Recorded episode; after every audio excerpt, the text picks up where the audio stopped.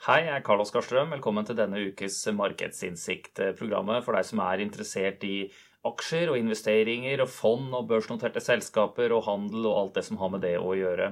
Og Nytt fra forrige uke er jo at vi har slått sammen eh, en del tidligere produksjoner. Vi har hatt eh, intervju med analytikere, selskaper av og til. Eh, vi har mer spissede videoer, og vi har de ukentlige markedskommentarene med året mine, og, for så podkasten som jeg har gitt ut med litt sånn ujevne mellomrom. og Slår det sammen til, til én sending, hvor vi da kommer til å utgi denne fila både som, som video og lydfil eh, på ukentlig basis fremover. og eh, Innholdet blir en liten blanding av det foregående, og så kommer det nok til å komme både separate videoer og kanskje separate podkaster når det passer, for ulike både temaer og, og grupper. Men uh, i første omgang så, så, kjører vi nå denne her som en ukentlig greie. Og denne uka så blir det en del spennende ting på menyen. Først så kommer jeg til å snakke litt om eh, handel og utvikling av handelstjenester, og det som er viktig for så vidt for deg som, eh, som faktisk skal handle aksjer og fond og vil styre dette her sjøl.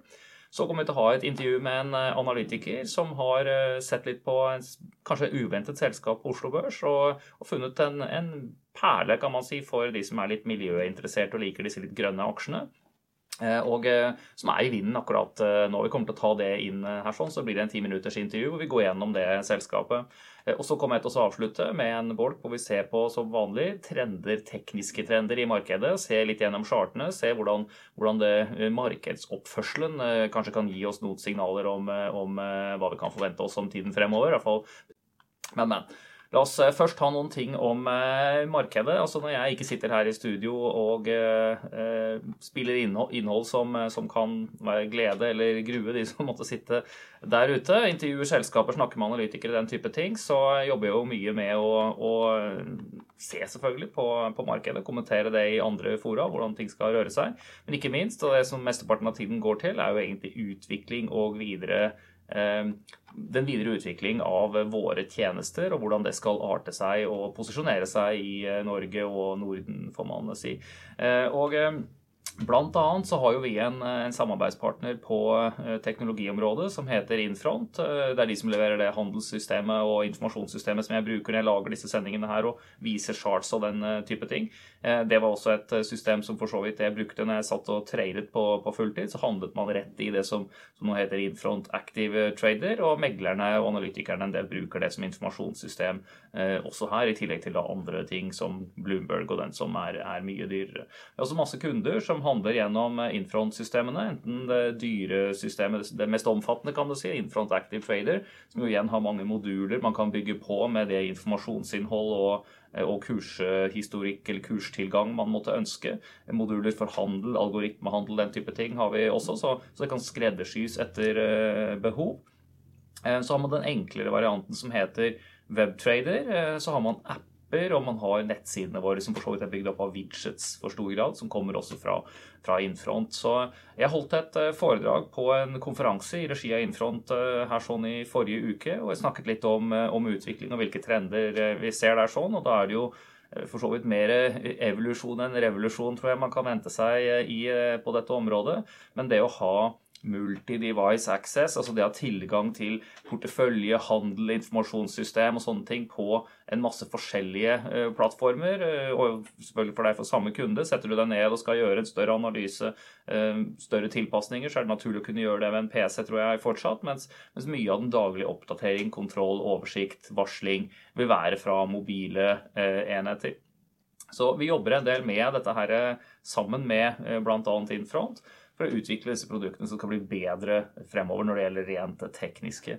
Eh, og eh, jeg kan ikke love hva som kommer til å skje der, eller når det kommer til å skje, men det kommer til å skje noe, eh, og det er ganske snart. Og det er en kontinuerlig utvikling hvor, hvor det stadig vil, vil, se nye ting komme her, egentlig. Og vi mottar gjerne feedback og, og, innspill fra kunder på hva det er man syns er viktig og riktig å ha i markedet, hva man gjerne skulle ha hatt.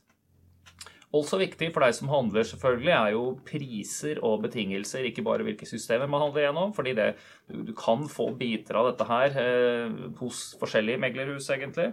Men også selvfølgelig hvilke priser det er man handler på.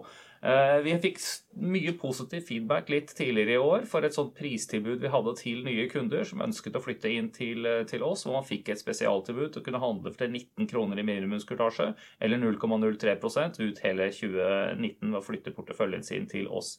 Det gikk egentlig ut 1. mai.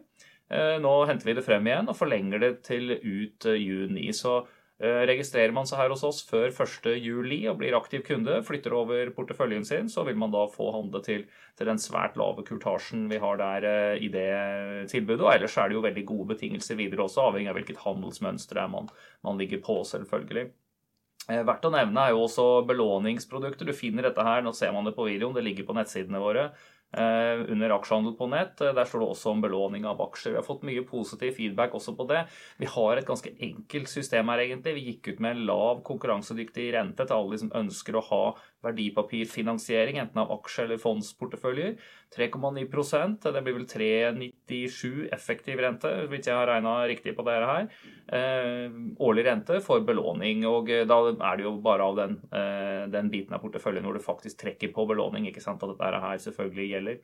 Så det er et enkelt, oversiktlig produkt. Eh, nytt her også er jo at vi har lansert muligheten til at de kundene som sitter på større porteføljer, kan låne ut sine egne aksjer, de som måtte ønske å shorte de, og tjene en ekstra avkastning på det som da blir eh, lånt ut. Dette her er jo ting som, som tidligere har vært forbeholdt bare det proffe markedet, men som nå også kan være relevant for deg som sitter på litt større poster. La oss si du eier 10 000 DNB-aksjer og du har lyst til å ha det liggende i mange år fremover, kan du periodevis, da, eller når du ønsker det, legge det inn og, og, låne det ut til de som måtte ønske å shorte den på et, eh, et, et kortere tidsperiode gjennom eh, oss.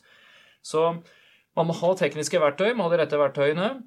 Du må ha de rette oppsettene, de gode priser, eh, og syns vi, da, det som kanskje er vår store eh, fordel for forhold til mange andre her, ha en, en, kompetent organisasjon som jobber med aksjer på fulltid, og hvor du alltid kan eskalere problemene eh, en måte ha, eller utfordringer eller spørsmål, hele veien opp, i og med at vi også håndterer de proffe kundene i markedet. Og med det så skal vi hoppe videre i eh, programmet her. sånn. Du finner mer info om alle de tingene der på våre nettsider. Så, så, men, men, dette her er temaer som interesserer mange. Skulle bare mangle. Så la oss hoppe nå videre til, til intervju med en eh, analytiker. Og så kommer vi tilbake igjen her eh, mot slutten for å få en chart-gjennomgang. Da har vi fått besøk av eh, Bård Rossef i studio fra Oil Service-teamet vårt, som vi er i ferd med liksom å ese ut til også kanskje bli litt andre bransjer òg. For, for, du har litt morsomt case nå. Du har sett på et selskap som er et gammelt selskap, og funnet noe nytt. Ja, det er et selskap vi har sett på noen år. Ja. Eh, Bonheur. Eh, hvor den store eierandelen pleide å være Fred Olsen Energy, som vi har dekket i mange år. Mm. Og så er det jo en vridning, da, hvor vi oljeserviceanalytikerne også må begynne å se på litt offshore vindinstallasjoner. Ja, fordi mer og mer av utstyret som er offshore, egentlig begynner å brukes til den type installasjoner også, ikke sant? Absolutt. Du ser Kverner, um, Subsea 7, Teknikk BFMC, mange av disse selskapene allerede har dekning på, går også i den retningen. Uh, så det er offshore-selskaper. Det er ikke lenger offshore oljeselskaper, men generelt offshore-selskaper. Og denne, altså, Bonheur er jo et av de selskapene som eies av Fred Olsen-sfæren, eller han er hovedeier der, sånn, og det har jo vært flere selskaper før. Nå, nå er, men nå er det liksom dette som står igjen, og, og, er egentlig et litt nytt selskap.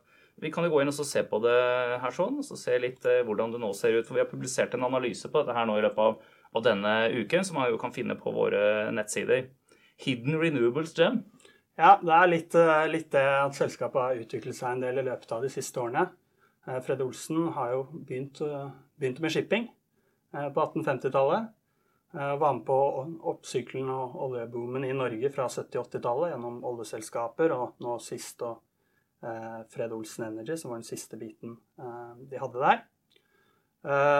Men i løpet av de 15 siste årene så har det gradvis endret seg, det fokuset til selskapet. Det har investert hovedsakelig i onshore vindparker Eh, og vindinstallasjonsfartøy for offshore vindparker. Um, mens de har gradvis solgt ned da uh, sist, eller 2014, solgte vel siste tankskipet. Uh, solgte FPSO-businessen, og til slutt nå i desember bestemte seg for ikke å være med på restruktureringen av Fred Olsen Energy. Så da forsvant jo det mer eller mindre ut av balansen etter hvert. Du har et chart på det her, vel, hvor vi ser hvordan det har beveget seg fra da på venstresiden her 15 år siden. Da var det mest offshore oil service, så shipping, mens da renewables og andre ting, vi kan komme litt tilbake til hva det andre er, utgjorde en, en veldig liten bit. Og så har det da i løpet av disse eh, årene hvor vi har glidd inn mot høyre her nå, så sitter man jo igjen med at selskapet er 80% det som vi kan definere som, som renewables, eh, og, og, det andre er mye borte. Ja, det har utviklet seg ganske Eh, drastisk. Eh, og spesielt da siden 2013. Da hadde man en høy markedsverdi på Fred Olsen Energy, som betalte store utbytter. Eh, så det utgjorde en veldig stor del av verdien. Aksjen har ikke gått så veldig bra siden 2013, så den har gradvis utgjort en mindre del av verdien. Samtidig som en del av disse vindparkene har vist seg å være litt mer verdt enn kanskje kostnaden var for de vindparkene. Ja, for sånn Tematisk er jo dette veldig i, ja, i, vinden, for å bruke et passende uttrykk akkurat nå. Altså Man ser eh, det du kan stemple som grønne aksjer, er veldig populære og er veldig i fokus rundt omkring nå. Både på Oslo Børs, men også sørover i, i, Europa. Og det er jo ikke uten grunn, fordi nå ser man jo også inntjening og investeringer kommer som bare det i denne sektoren. Absolutt. Det er eh, også i stor grad begynner å nærme seg å bli økonomisk uten subsidier og bygge ut vindparkene, og da vokser markedet enormt. Så er det et vekstmarked. Eh, det gjelder både vind og sol. Eh, så har man noen selskaper eh, lista på Oslo Børs, og i Danmark har du, har du en del store selskaper som ser får stor kapitalinnflyt til sektoren. Det startes opp fond som spesialiserer seg på disse, og så interne allokeringen til kall det grønne, eller det man noen ganger kaller ESG-aksjer, mm. i de ulike fondene øker og det er jo et salgspunkt for et, et, fond også. Og Det er også noe av grunnen til at liksom Bonheur har havnet eh, lenger og lenger frem på pulten din av alle selskapene som, eh, som, du kikker på nå. Det er at det rett og slett er etterspørsel fra investorsiden. Ja. Det er en aksje vi har dekket delvis i mange, mange, mange år. Jeg siden 2012. Og har ikke sett i nærheten av den interessen vi har sett nå. Ser man fem år tilbake, så var dette et eierselskap som, hvor den primære eiendelen var Fred Olsen Energy. Uh, mens uh, i løpet av det siste halvåret så har du sett uh, industrien på Bloomberg f.eks. endre seg fra offshore drilling til, til power production. Mm. og en del av de fondene hvor vi har typisk har snakket med de som har vært investert i oljeservice, som har vært en viktig del i fondet, har nå renewable fond som er større og viktigere. Og ser på dette og blir da naturlige kontaktpunkter mot oss.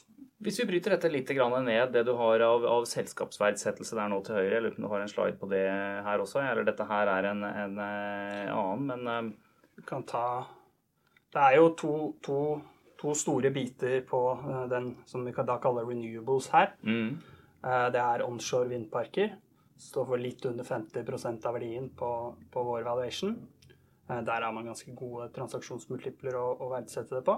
Ja, For det omsettes en del eh, blant uh, forskjellige aktører? Det omsettes, bl.a. Mm. en aktør som har kjøpt en 49% eierandel av Eller den mest verdifulle delen av Bonheur mm. sin portefølje i UK. Og det er jo sånn som analytikere liker, fordi når det handles den type eiendeler, så, så, så, kan du sette en ganske klar pris på det. Man vet hva det er verdt. Og ellers så har du jo inntjening også fra disse parkene, ikke sant? Litt, litt gjetting er det, men, eh, mm. men, det er absolutt, eh, det er absolutt eh, Estimatet kaller vi det. ja. det er absolutt, absolutt en del mm. markedsdata som, som backer det. Men den andre biten her, da, det er offshore installasjon. Og det er der du kommer på den, den tidligere oil service-biten, egentlig. Altså, men for bygging og installasjon, service, oppfølging av den type vindparker offshore. Ja, Eh, og det er litt over 30% av eierandelen, altså sammen utgjør de to ca. 80 eh, Det er eh, på vindparker så eier de onshore vindparker, som er etter hvert blitt en ganske moden industri. Mens offshore så er de foreløpig i hvert fall en, en servicespiller. Så de, den største investeringen de har, er tre installasjons-jackups. Den ene kjøpte de 51% eierandel i fjor. Og så har de i tillegg et engineering Eh, selskap. Eh, og noen andre biter. Jeg har kjøpt noen add-ons i det siste hvor de adder på eh, sitt fotavtrykk i den serviceindustrien. Og sånn Vekstmessig så er vel dette her kanskje noe av det som, som peker seg ut? Ja, de siste par årene så er det der selskapet har vokst og brukt kapital. Mens det har solgt deleierskap i vindparker mm. for å finansiere det. Og ikke minst fra kundesiden. altså Man ser aktører som Equinor blant annet, ikke sant, som, og mange andre store rundt omkring i Europa som, som, ser dette her som et vekstområde fremover og rett og slett skal bygge mer av den type assets ute i sjøen. Ja, det er eh, Man ser, kan jo lese nyhetene selv. Det er ikke så veldig populært med, med disse mastene på land. Det er bedre å putte i sjøen. Og dette er ikke noe helt nytt. Eh, men det som har skjedd i løpet av de siste to årene, er at kostnadskurven, eh, turbinene, blir større og større og større. Og kostnaden per megawatt da blir lavere og lavere og lavere. Samtidig har det gått fra subsidier, som trengs for å modne frem en industri, til mer konkurransedrevne auksjoner for strømpriser. Og det man ser da, er at i løpet av to år så har kostnaden sunket 30-40 mm. Og parker, også offshore, er nå økonomiske uten subsidier i noen tilfeller i Nederland og Tyskland. Så det er spennende å se hvordan energibildet endrer seg. Vi kommer sikkert til å få spørsmål om det også, så det som ligger som other her, sånn, det er eh, bl.a. cruise. Cruise er den største biten av det, eh, og det er en industri eh, konsernet har vært involvert i siden 1905. De har per i dag fire cruisebåter. Og det har vært en, en cash cow for selskapet. Mm. Det har generert kapital til mor. Ikke gjort så veldig mye. Den siste kom, de har, enheten de har i flåten per i dag, som de eier, kom i 2008. Så det har ikke skjedd veldig mye på ti år. De har brukt en del kroner på å oppgradere enhetene de siste par årene, mm. men fortsatt tjent mer enn de har brukt. så det har fortsatt å være en. Dette er solide kontantgenererende assets, og for øvrig så ligger det jo Er balansen ellers solid, ikke sant? Ja, og det er ikke noen Eh, enorme investeringer som er gjort her på en god stund. Og, og de, de, enhetene har nå på en måte ikke noe hjelp på seg. Mm. Eh, de har ganske mye eh, cash på bok i det selskapet. Skal dere gjennom et par slides til som du har ja. her? Eh, dette her er jo en som, som, ofte man får spørsmål på når det gjelder eh, Dere beregner en NAV eller Net Asset Value, som for så vidt henger litt på dette med typisk transaksjonsmultipler. Hvis man skulle solgt selskapet i dag, hva ville, eh, hva ville Eller likvidert det i dag, da ville du fått en Net Asset Value, ikke sant? en beregning på det. Og sånn som det er nå, så handles den med en rabatt til den. Ja, og det er noe vi har tracket på dette selskapet siden 2002, er det vel? Juni 2002 er det første datapunktet vi har. Uh, hvor vi summerer på alle eiendelene. Typisk da, hvis noe er listet, så tar de det på markedsverdi. Mm. Uh, andre ting så prøver du å gjøre en estimering basert på enten andre markedstransaksjoner, har du ikke det, på kost osv. Så, videre. så en slags markedsjustert bokverdi. Ja, og, og, Vi ser jo på chartet her sånn at det er en ganske solid rabatt, altså i underkant av, av 60 det, det, der kursen er nå i forhold til, eh, til eh, beregnet Nav. Ja. Og Det er jo litt annerledes i forhold til noen av disse andre grønne aksjene ikke sant, som, som man ser på børsen nå, som går ja, til friskere multipler, kan man vel si. Ja, du har jo selskaper i både Norge og Danmark og Sverige som priser inn veksten det gir ganske mye pre-money valuation på veksten, og det har vi puttet null verdi på i dette regnestykket. Mm. Uh, og, og, ligger med en uh, veldig frisk valuation. Et eksempel er Ørsted i, i Danmark. Mm. Så de, den, det, det, regnestykket du har på denne her, det, det, ser liksom relativt robust ut. Det ville vært, med, med å være litt foroverlent og kreativ, så ville du lett kunne forsvare høyere prising, for å si det sånn. da. La oss si det utviklingsporteføljen de har utviklet over mange år på vindparker. Så setter jeg den til null. Mm. Eh, et selskap eh, som eh, lager foundations for vindmøller offshore. En ny type. Brukt en ganske mange kroner, men jeg setter det til null frem til det er kommersielt og et salgbart selskap. Så dette er det nærmeste vi kommer da en, en, en Nav, da, som vi typisk har i, i offshore rig, eller offshore boring, eller i shipping. Ja, det er bra å ha litt, litt forsiktighet i sånne vurderinger. Dette her er en slide, jeg vet ikke om vi skal gå i detalj på Nei, den? den eh, viser egentlig bare at dette selskapet har en uh, veldig sterk balanse. De er i stort sett i asset-heavy industrier. Mm. Uh, men allikevel har de nærmere 3 milliarder kroner i netto cash på mor, og da de 100% kontrollerte selskap. Strategien til selskapet er å være sterk mor med gjeld som ikke har garanti opp til mor i SPN-ene. Som f.eks. i Fred Olsen Energy. Um, så Fred Olsen Energy har jo vært Eh, ikke en veldig god investering de siste årene, men ser man på hvordan Bonheur har gjort det i Fred Olsen ja. Energy, så listet de det akkurat den måneden det pika i 1997. De putta eh, Da solgte de altså 40% av selskapet. Så betalte de ut over 100 kroner i utbytte gjennom oppsykling vi har. Solgte litt aksjer i 2012 på piken. Og så er de aksjene verdt null, men de har ingen garanti for gjelden. Nettopp. Og det er sånn de ønsker å drive selskapet. Um, ja, Det gir jo eier større fleksibilitet, eh, og eh, som investor så, så sitter man i en litt sikrere posisjon her nå. Ja, og så er dette et selskap som forvalter formuen til familien, så de ønsker ikke å ta unødig risiko. Um, det blir litt AS-tankegangen. Ja. Avslutningsvis her, dette her er hvordan du har bygd opp verdsettelsen per aksje. Så du, du er oppunder, se du har en beregnet Nav her som er oppunder 300 kroner. Og når jeg sist så på skjermen min, så var vel 150 det aksjen handlet på? Ja.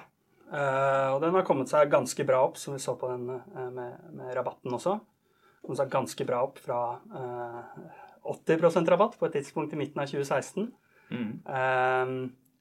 og vi tror at den, den siste økningen på omtrent 50-60% siden nyåret kommer etter at de gikk helt ut av Fred Olsen Energy og ble et helt grønt selskap. Eh, det har økt interessen, og vi tror vi kommer til å fortsette å senke den rabatten mot underliggende eh, verdier i selskapet. Det tror jeg også. Det tror jeg kan, eh, og dette kan være en spennende reise. Og analysen ligger på våre nettsider. Bonør, Hidden Renewables Jams. Og sier tusen takk til Bård Rosef for den gjennomgangen. Vær så god. Da er vi tilbake igjen og skal ha en chartgjennomgang. Se litt på den tekniske bevegelsen i markedet og se hva vi kan, eh, om vi kan eh, tolke noe fornuftig ut av det. Vi hopper rett inn og starter med SNP 500. Dette her er et chart over daglige kurser jeg har på, på skjermen min nå. altså hvor Hver stolpe er sånn tilsvarer én dags kursbevegelse. Vi ser, jeg pleier da å se på ett års eh, kurshistorikk. og eh, For de som ser på videoen, så vil man også kunne se horisontale stolper som viser omsetning eh, på prisnivå, altså value, volume at price. Eh, det jeg pleier å ha når jeg blar gjennom eh, markedet for eh, et sånt perspektiv som det her, sånn, og det er relevant for de som handler fond og den type ting, det er også å se på disse daglige kursene. Og det går da an egentlig å klare seg med å komme inn og, og se på kursen én gang om dagen. Også når man finner ut det, gjerne på kvelden, da, bla gjennom chartene, og så ser man på, på om det har vært noen store bevegelser her som man må reagere på. og Så kan man da agere dagen etter. Og mange har drevet med sånn såkalt swing trading gjennom mange år. Handler på disse litt mellomlangsiktige trendene. Eller man har drevet og posisjonert seg til de veldig lange trendene. Gjennom også bare ha oppdatering en gang om dagen. Det går helt fint. Det er uansett noe man må gjøre også om man vil være aktiv i det korte bildet. Men da kan man da, i tillegg til dette, hvor du gjerne fanger opp situasjoner som er interessante, se på trendendringer, se på potensialer i bevegelser, så kan man da gå inn og også se på kortere intradagschart når man skal ta de faktiske posisjonene. Men, men. Eh, for en uke siden så sto vi akkurat her hvor det var den røde candlestick som var der. og Da hadde vi hatt eh, et par uker, eller en og en halv uke i hvert fall, med, med nedgang på eh, SMP 500. Vi hadde sett at børsen brøt 10 dagers glidende snitt, 20 dagers glidende snitt og også 50 dagers glidende snitt. Og det var jo denne eskaleringen av handelskrigen som da slo ut der sånn. Det var en del spørsmål. Man får jo alltid det. Ser jo det, leser avisene og, og ser i media, det samme som dere. Mange som spør seg om liksom, nå er opptrenden slutt. Det var nesten en dobbel topp ikke sant, på SMP 500 hvis en drar en linje mellom tidligere toppene som vi så ved, i høsten 2018 er sånn, og der hvor det toppet nå så ser man at det er på omtrent samme nivå. Det er for så vidt tematisk interessant. Og så se om man i lengre chart har gått inn i en sidelengs bevegelse. sånn. Vi har jo nå i første kvartal, første kvartalet på lenge, hvor det har vært lavere inntjening fra SNP 500-bedriftene enn det vi hadde for et år siden. Eh, hva så man sist det var en sånn periode? Jo, da gikk jo også børsen mer eller mindre sidelengs, eller i en trading range, fordi det er i bunn og grunn over tid inntjening som driver kursene. Eh, det er inntjening per aksje, og det er jo da også antall utestående aksjer. ikke sant? Så det som skjer nå etter, eh, etter, resultatsesongen, er jo at selskapene begynner å kjøpe tilbake egne aksjer. Man ser jo dette også på en del store norske selskaper. Eh, det vil jo redusere de utestående aksjene og øke inntjening per aksje, og isolert sett være en bidragsyter til, til ny oppgang i kursene. Men, men. Min tolkning her i, i, forrige uke var at dette var en kjøpsanledning, den korreksjonen som eh, var eh, ned der nå, og at et eventuelt skifte til et, et bear-marked og en tyngre langsiktig trend, en eventuell nedtrend, er en lengre prosess. Det kan hende vi i et lengre bilde her er i en prosess hvor vi da ser at ting går sidelengs, hvor det utvikler seg over mange måneder. Det er vanskelig å, å si, men i første omgang nå så fikk vi da en reaksjon opp fra det nivået. Eh, og så har det stoppet opp sånn litt høyere enn det vi var her i, i forrige uke. Og det er eh, fra dag til dag så, så, ser man en del bevegelser basert på, på kan du si, i hovedsak vil jeg si, drevet av, av nyheter knyttet til den såkalte handelskrigen, eller den konflikten som man nå ser der i, i tollsatser og andre betingelser og regler og utestengninger i forhold til Kina og USA. Jeg tror ikke det kommer til å være noe som som kommer til å forsvinne med det første, med at det der blir en situasjon vi må ta inn over oss litt fremover. Men, men. Det er en viss oppdrift fall på SMP 500 her. sånn. Vi hadde denne her, Hvis en ser på takten i, i, bevegelsene, den takten ned, som vi var der vi var forrige uke, så har det kommet opp igjen. Litt ned, men da ikke fullt så mye som det det var til, til bunnen vi hadde her i forrige uke igjen. Og så opp igjen i går kveld. Eh, men man er litt sånn fortsatt eh, vanskelig å si, vil jeg si.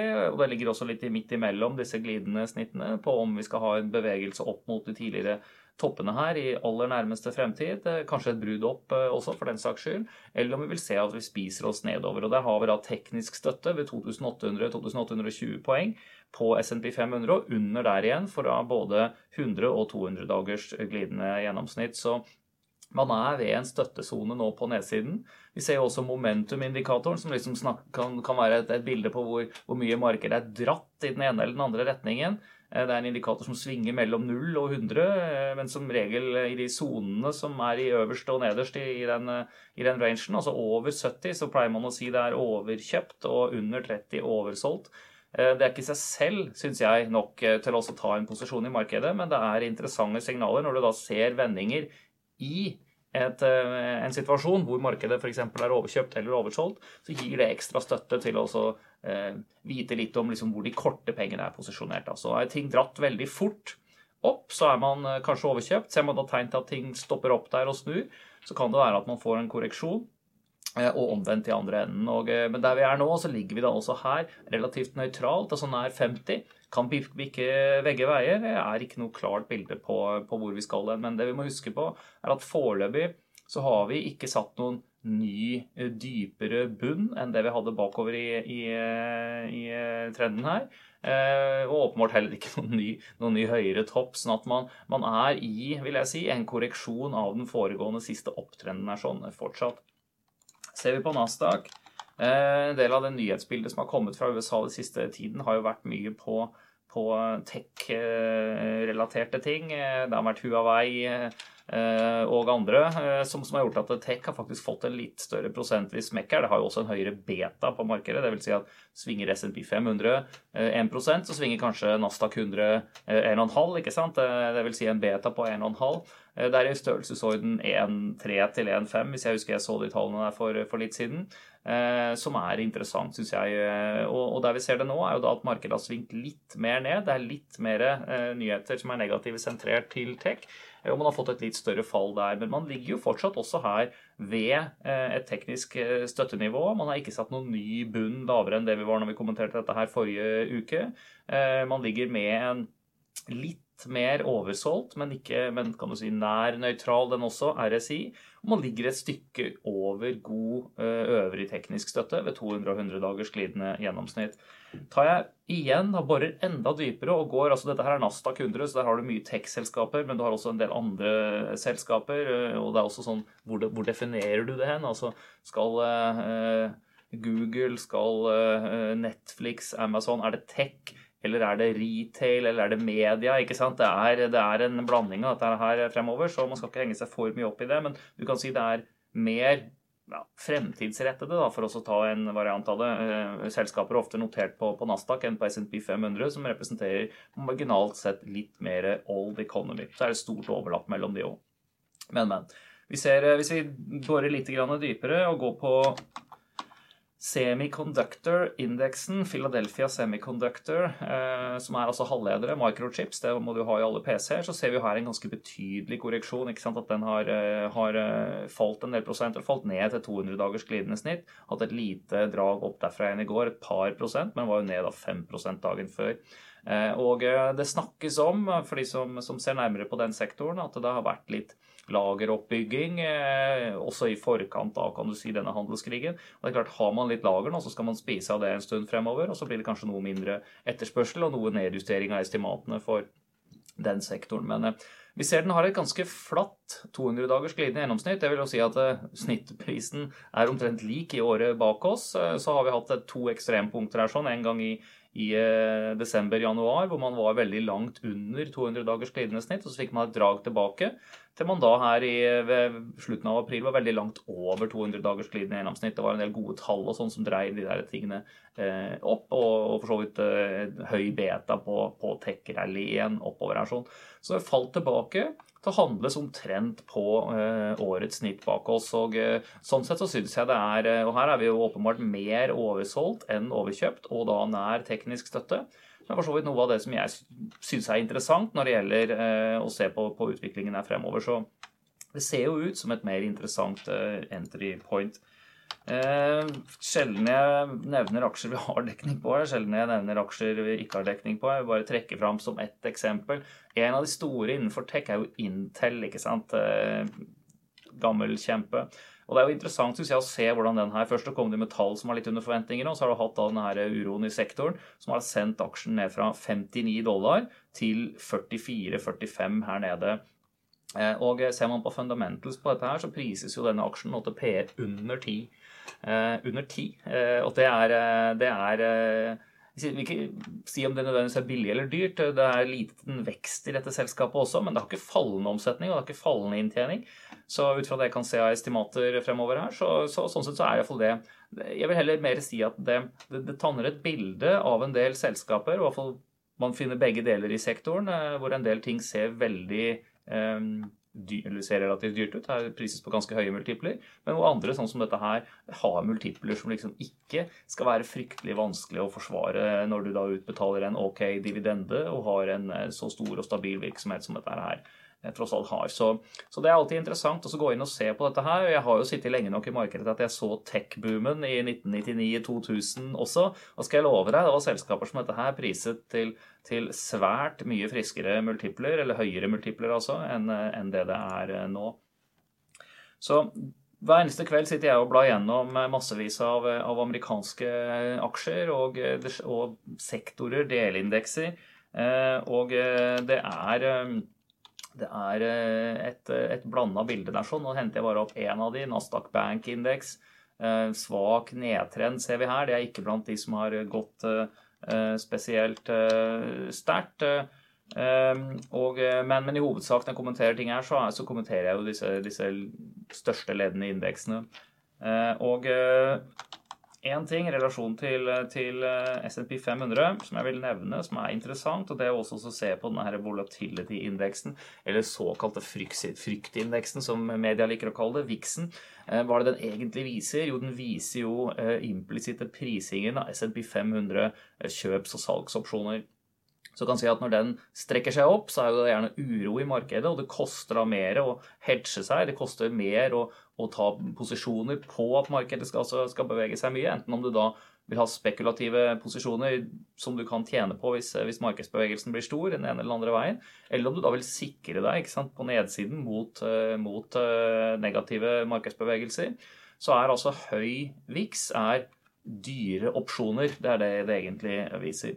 Eh, og der vi er nå, så, så, har det falt eh, tilbake en god del. altså Vi er under 200 dagers glidende snitt på denne her òg, hvilket vil si at eh, det er billigere enn det har vært i snitt året bak oss. Og vi er på et nivå rundt, rundt 15 på viksen, som jeg vil si er relativt normal risikopåslag i forhold til, til markedet bak oss. Så igjen altså, så danner dette her et bilde av, eh, av et marked som, som ikke er, virker noe spesielt nervøst, eh, ikke virker noe spesielt uh, strukket. Det virker som relativt normalt. Relativt normal prising i forhold til de, de multiplene som man har hatt historisk. I hvert fall om man ser i forhold til den veldig lave renta man tross alt har i, og finansieringskosten, som jo er en reell kost ikke sant, i markedet nå. Eh, og, eh, og, det ser, når man ser på viksen her, ikke ut som det er noe sånn veldig tegn til uro. Den er heller ikke dytta ekstremt lavt. Det er liksom greit. Det er verken kaldt eller varmt vann, det er, lunka vann. Kan gå begge veier. Eh, så jeg syns dette her ser mer ut som et sånt normalmarked, hvor gode selskaper eh, som har positiv nyhetsstrøm, eh, stiger og belønnes for det, mens, mens, selskaper som har noe mer utfordringer, faller litt tilbake. Så man finner jo alt mulig her hvis man er, er interessert i det. En av de sektorene som selvfølgelig er viktig for Oslo Børs, er jo å se energisektoren. Nå hentet jeg opp en ETF her som viser såkalt big oil, de store oljeselskapene. Tenk på Exxon, Chevron, den type selskaper. Eh, internasjonale selskaper, virksomhet både offshore og onshore. Og vi ser jo her altså, at, eh, at, det har hatt en relativt slapp utvikling i år. Det var jo en kraftig gjenreising selvfølgelig fra desember bunn og fram til eh, mars, egentlig. Eh, også selv om det har vært oppgang i oljeprisen siden den gang, så har det da gått først sidelengs en stund, og så har det falt litt tilbake. Dette er også selskaper som utbetaler en del utbytter, og det gjør også den ETF-en. Så noe av fallet man har hatt her den siste tiden, skyldes jo at de har gått x utbytte, disse, disse aksjene. Det får du selvfølgelig eh, det som investor. Men det vi kan se, er at det er ikke noe kursmomentum oppover i noe spesiell grad. Eh, det har også gått sidelengs de siste ukene.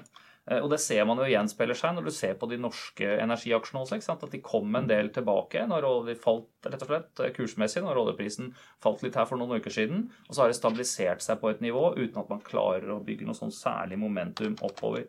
Eh, oljeprisen derimot er jo bare eh, Altså den er jo på et nivå nå hvor vi snakker 72, 71-72 dollar, og det er jo bare en liten uke litt lenger bak oss her hvor vi egentlig var noe særlig høyere enn det. Så, og Trenden i oljeprisen er også fortsatt oppover, og den har ikke brutt engang 50 dagers glidende gjennomsnitt på den lille dippen vi hadde her for noen uker siden.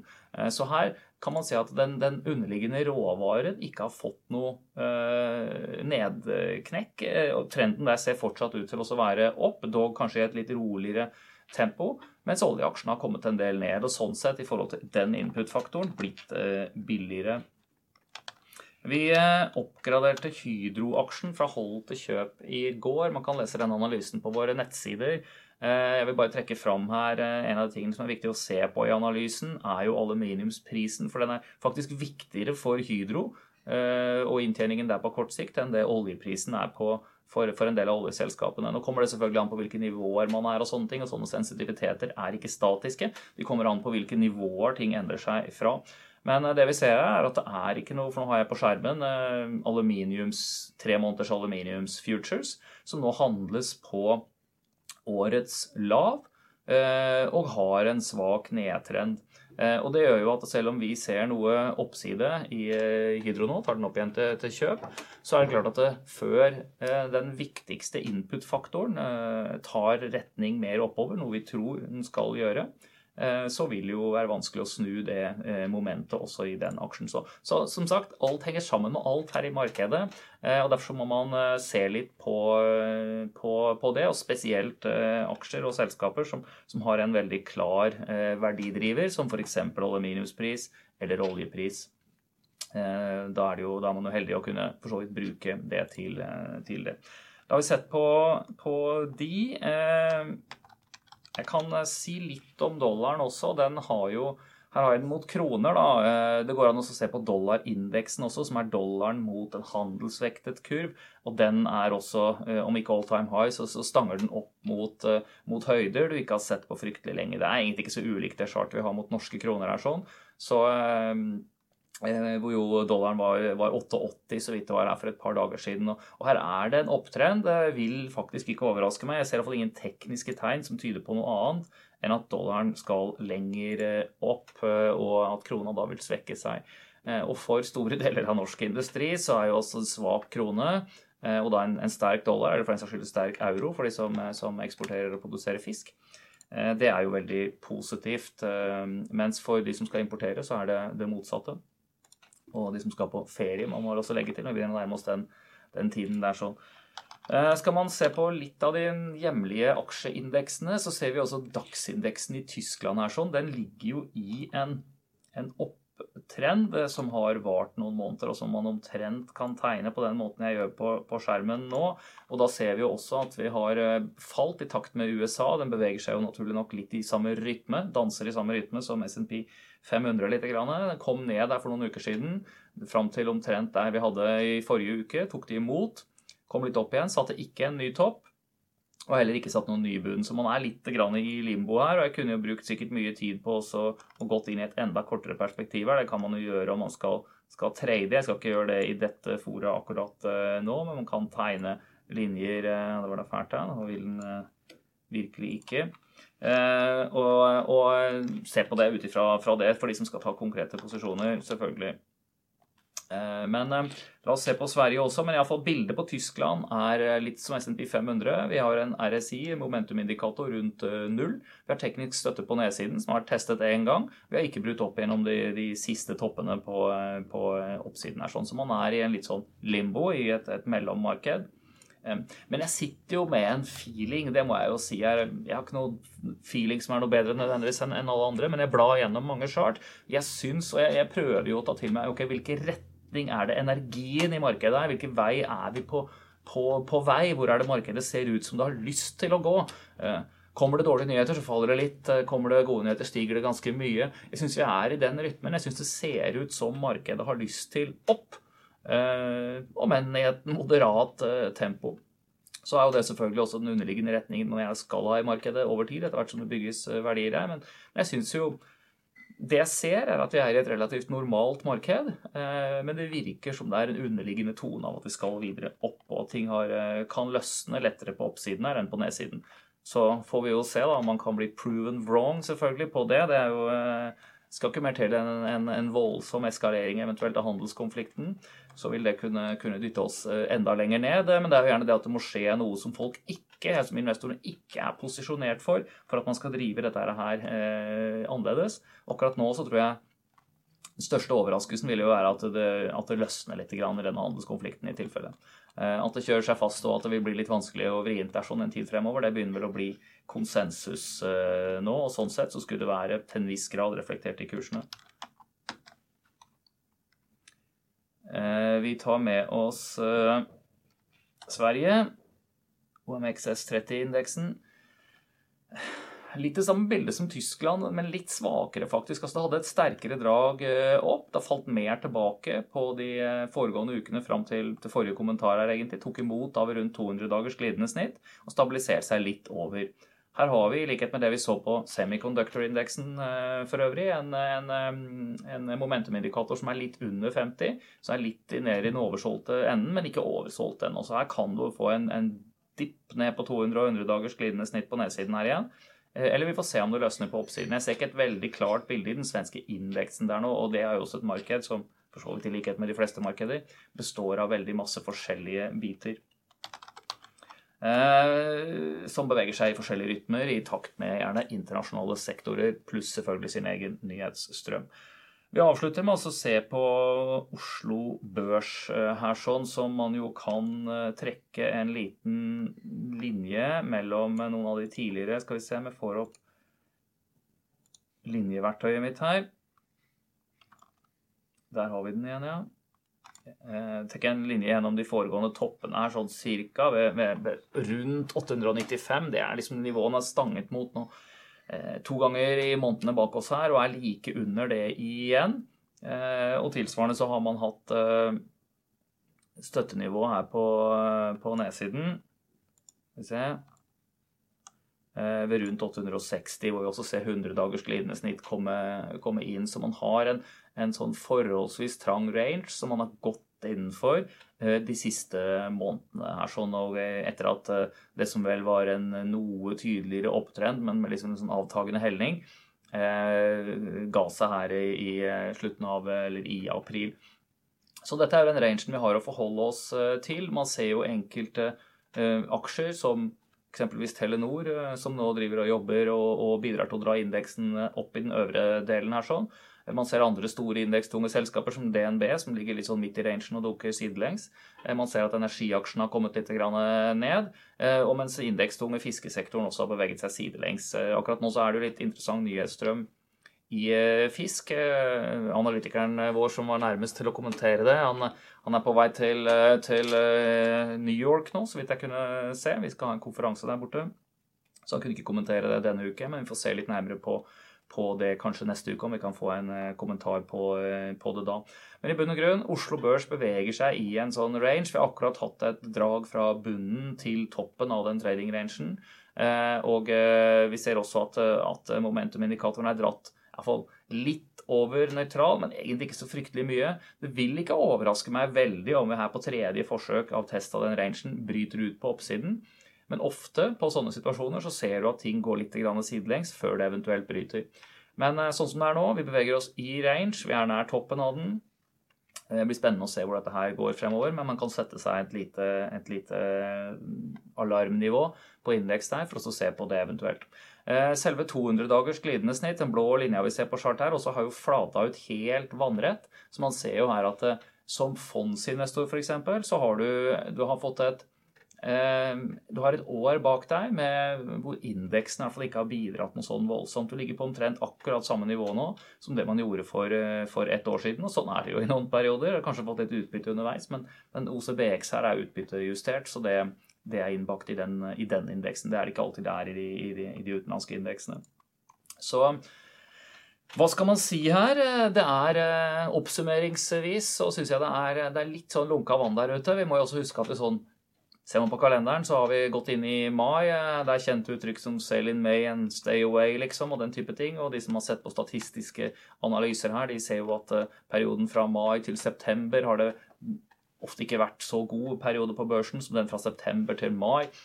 Det er grunner til det, men, men, det er også sånn at eh, i de historiske dataene så er det så store individuelle forskjeller fra år til år at jeg syns det er veldig vanskelig å trekke noen, eh, noen, generell, noen generell konklusjon ut ifra det. Men det vi ser i markedet nå, jeg vil jo beskrive det som et nærmest normalmarked. Det skjer en del i selskapene. Det er en eh, blandet nyhetsstrøm, man har en blandet makronyhetsstrøm. Men, men, det, men det virker ganske ok, egentlig. Altså, det er et normalt marked hvor det går an å gjøre business, og hvor det går an å handle. Eh, men hvor man ikke har de der enorme indeksdragene som man kanskje kan ha blitt bortskjemt med i noen av de årene vi har eh, bak oss. Men det skal ikke være for lett heller, vet du. Da blir det ikke noe moro. Så med det så så sier jeg takk for denne runden her. sånn. Her er det forhåpentligvis eh, litt for noe enn hver. Og har man forslag til ting som man ønsker skulle vært tatt opp, og som gjerne er litt sånn tematisk interessant for flere, da ikke bare hva syns du om aksje 1, 2, 3, men, men, men, litt mer ja, hvor jeg kanskje kan, kan, bidra, så er jeg takknemlig for innspill på, på det. Og så, så ses vi igjen, vil jeg tro, neste uke. Ha det bra.